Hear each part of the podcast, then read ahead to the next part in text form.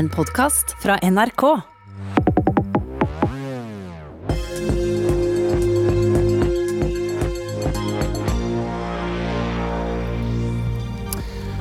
Et statsbudsjett er det viktigste en regjering lager. Kanskje bortsett fra hvis statsbudsjettet du lager aldri blir vedtatt. Nå drømmer nok Erna Solberg fortsatt om valgseier, og hvis hun mot alle odds vinner, da lover hun å bremse veksten i offentlig sektor. Og det kommer hun med nå. Heidi Nordby Lunde, Kari Elisabeth Kaski, velkommen til Politisk valgkvarter. Nordby Lunde fra Høyre. ehm, Du har sikkert hørt ryktene om fortvilte statsråder som gråter på regjeringens budsjettkonferanse. Hvordan er det på en budsjettkonferanse når kanskje ingen statsråder får vedtatt politikken de lager?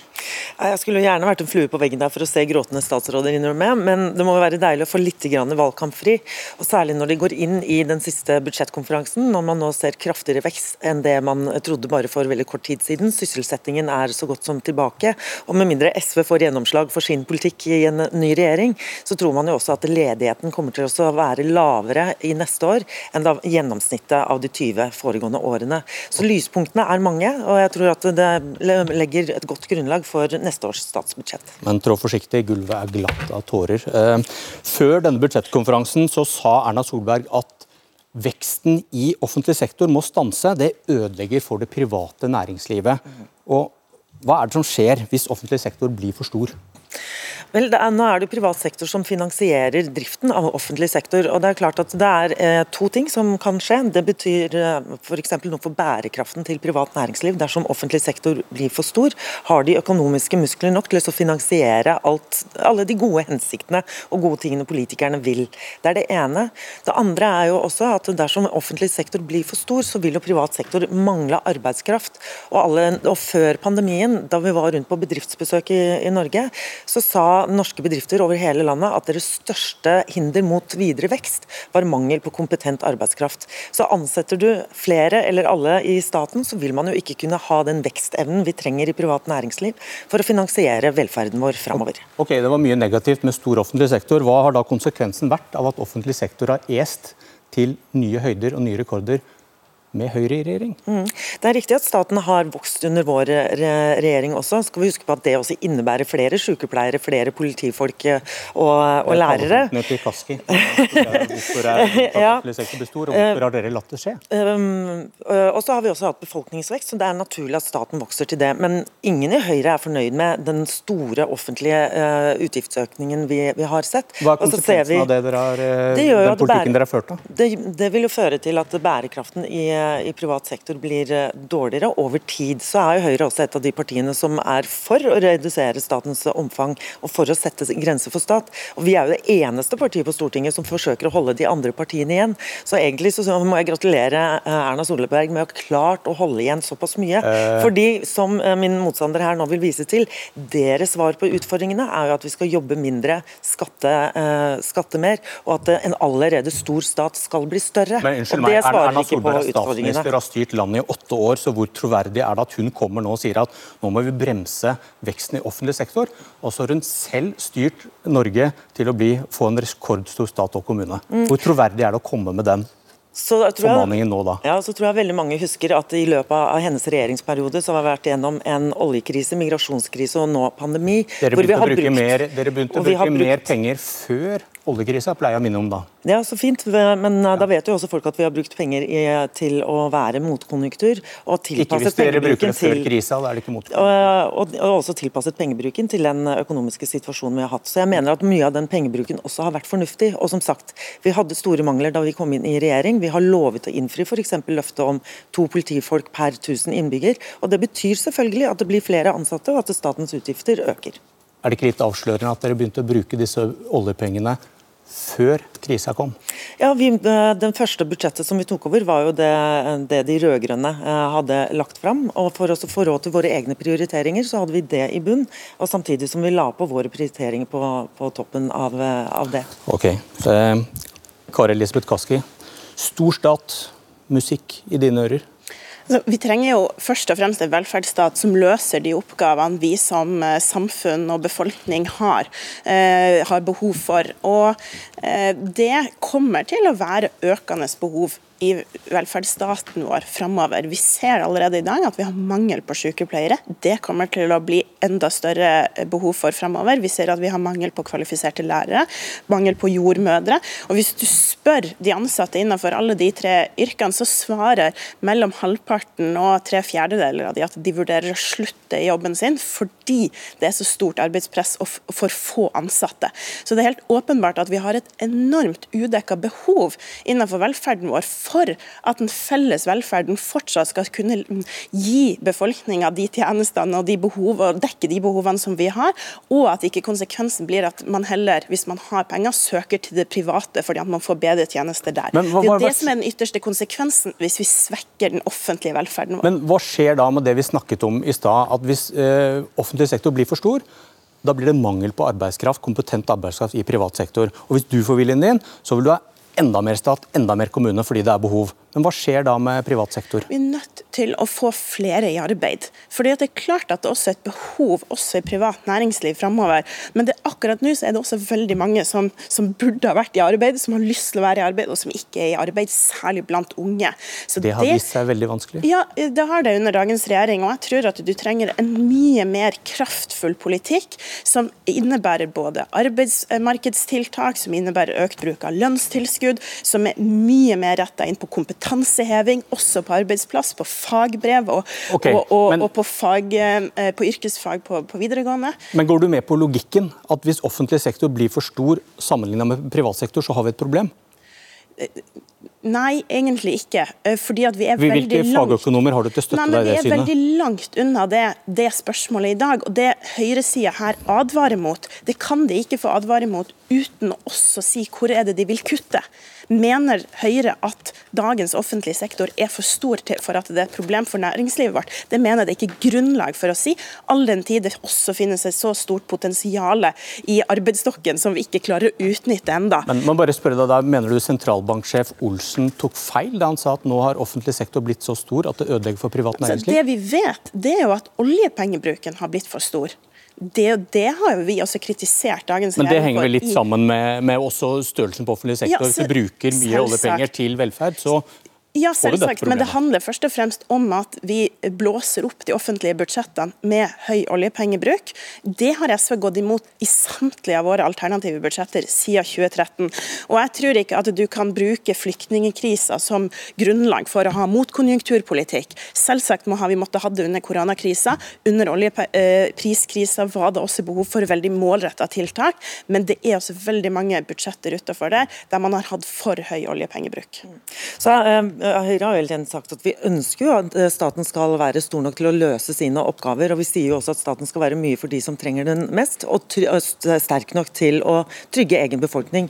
Men den kan ikke være så sterk, stor og omfangsrik at den faktisk fortrenger privat initiativ og privat næringsliv. og Det er der vi tror vi er i ferd med å bikke over. Så er det ikke bare størrelsen på staten, men innretningen også på staten som teller. Og også ikke bare pengebruken, men hvordan du bruker pengene. Og Høyre har jo prioritert nettopp de områdene som Eh, handlingsregelen eh, åpner opp for.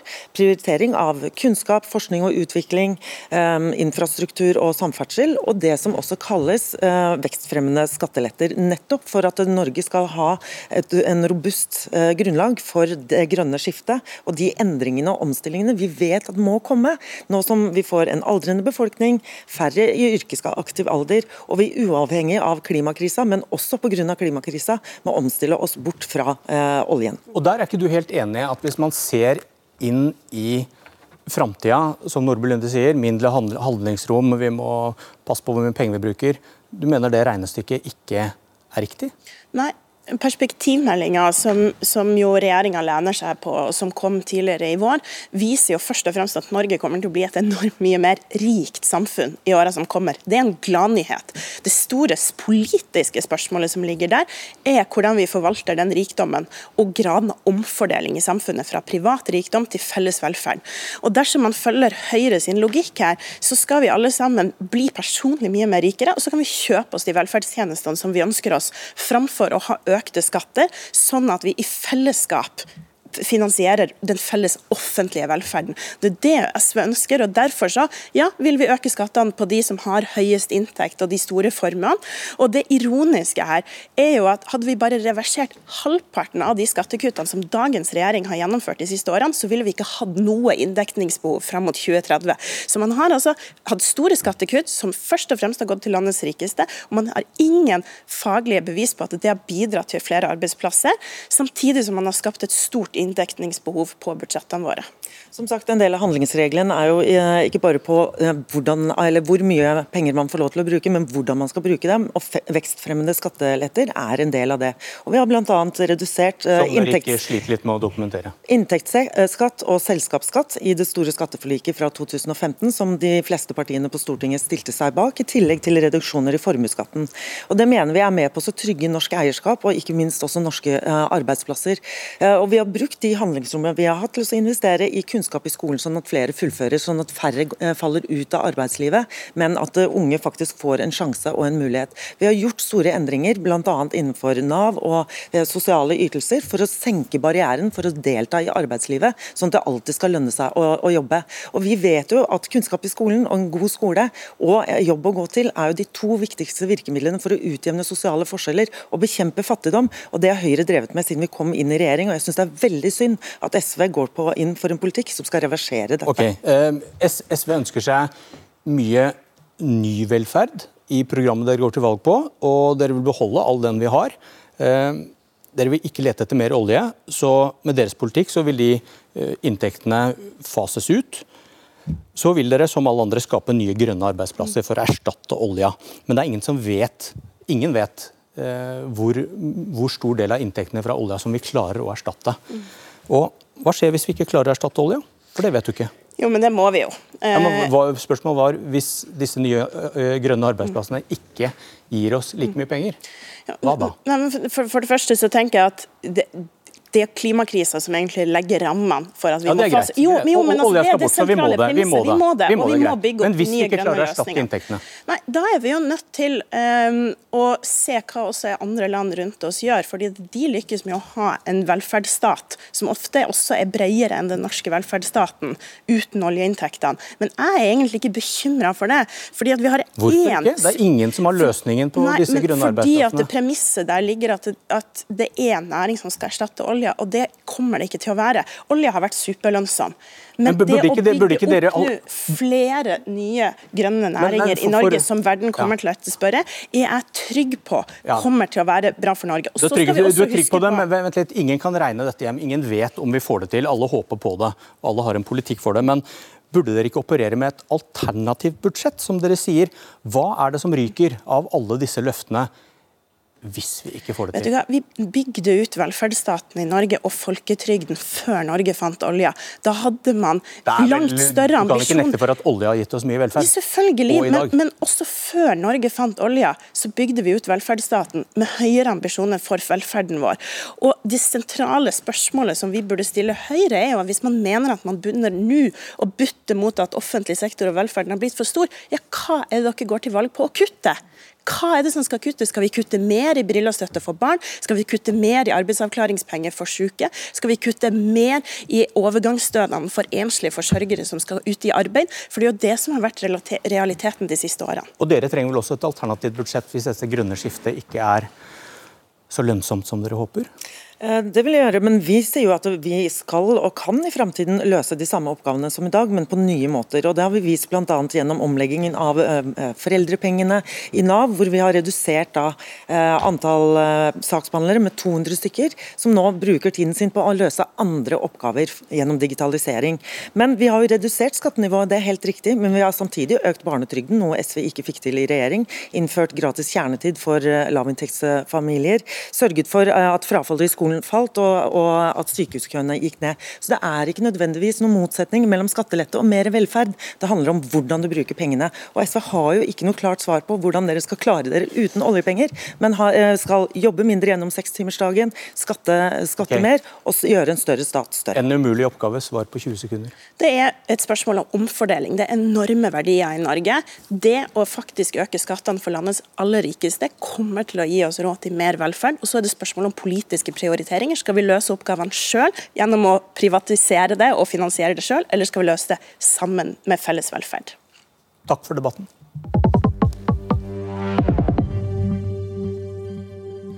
Inn fra siden, Magnus Takvam, politisk kommentator i NRK, god morgen. God morgen. Eh, på NRK Ytring skriver du om den siste olje. Eh, henger jo fint på det vi har snakket litt om nå i stad. Og for et av valgkampens store tema har blitt hva skal vi gjøre med norsk oljevirksomhet. Eh, og uansett hvem som skal være statsminister etter valget, så må det bæres sprikende staur. For noen partier vil slutte å lete etter olje og gass, de største partiene vil fortsette med det. Ehm, du skriver at det pågår et intenst arbeid for å finne kompromisser og enighet i det skjulte blant disse ehm, gamle rød-grønne partiene. Hva, hva, er det som skjer? Det er nok først og fremst i, eh, internt i partiene man eh, jobber med uh, ulike skisser, og har i hvert fall gjort det fram til nå, for å se hvilket handlingsrom man har Eh, i en sak som alle skjønner er veldig krevende å, å, finne en løsning på. Og de eh, som er eh, optimister i de tre mest aktuelle partiene vi snakker om for en eventuell rød-grønn regjering, Senterpartiet, Arbeiderpartiet og SV, tror det kan være grunnlag for en, en, plattform. Men det foreligger ikke noen skal vi si, masterplan eller skisse som de er forent om. Men jobbing internt i partiene er åpenbart noe som skjer. Du, du, skriver at enkelte sier det kan bli vanskeligere med en løsning på ulv enn klima? Ja, Det er bare et, et, sitat fra en av aktørene i, i, eh, disse samtalene jeg snakker om. Eh, jeg tror kanskje det er å sette det på spissen. Det er åpenbart denne store, eh, komplekse olje-klima-forhandlingen som, som vil være mest krevende. Eh, men det de da peker på som, som et handlingsrom, eh, er eh, for det første at det må finnes løsning innen tre-fire forskjellige viktige elementer. Det ene er leteaktiviteten. Det andre er denne grønne industrisatsingen. Eh, det tredje er eh, karbonprisingen, CO2-avgift, hvordan den utformes osv. Og så er det det å få det man kaller en, en rettferdig omstilling. Altså eh, hindre både regional og sosial ulikhet, slik at det ikke blir oppslutning om disse tiltakene. Og Når det gjelder det som er kanskje det aller viktigste og vanskeligste punktet, nemlig utfasing av eh, oljevirksomheten, så, jo, så, så vil vi oppleve i valgkampen framover at alle disse står på primærstandpunktene sine. Senest i dag sier Hadia Tajik f.eks. at det er uaktuelt å, å, justere på letepolitikken. Men eh, her er det eh, signaler som, som eh, til og med Erna Solberg og, og, og, den sittende regjeringen viser jo til at disse store konsesjonsrundene som, som kommer hvert annet år som regel, kanskje det er den siste som, som har skjedd nå, og at man framover vil prioritere å lete i allerede forhåndsdefinerte områder, istedenfor i områder der det ikke er infrastruktur osv. Så, videre. så det pågår debatter eh, i veldig mange kretser om dette. Og Nå snakker vi om de tre rød-grønne partiene, og så ser vi på målingene. Hva skjer hvis Jonas Gahr Støre, Vedum, Lysbakken trenger et parti til for å få flertall? Da er selvfølgelig alt langt mer usikkert. Eh, jeg skriver vel også der at eh, hvis man har et flertall etter valget av de tre rød-grønne partiene eh, og et voksende SV, et mer jevnt styrkeforhold med Senterpartiet, så er det klart at SV sitter på en nøkkel for at Arbeiderpartiet kan få en flertallsregjering og dermed har de en veldig sterk forhandlingsposisjon. Men som du antyder, så vil det bildet endre seg hvis man ikke har en flertallsregjering. Eh, og da er alt mer opp i det blå hvordan, eh, hvordan en, eh, en, regjering vil, vil komme til å se ut. Men det er jo i parentes bemerket slik at vi nå diskuterer hvordan skal en ny rød-grønn regjering og dens plattform se ut, ikke om den kommer. Og det er jo et lite, lite paradoks. da. Ja, klarer du på ti sekunder å si noe om Erna Solbergs drøm hvis det blir borgerlig seier? Hvordan ser denne saken ut da? Ja, altså, hun holder seg nok til en, en, drøm om at de kan ha en innspurt, men den ser jo veldig tynn ut, den, den uh, drømmen. med drøm. Og Det tror jeg hun også ser.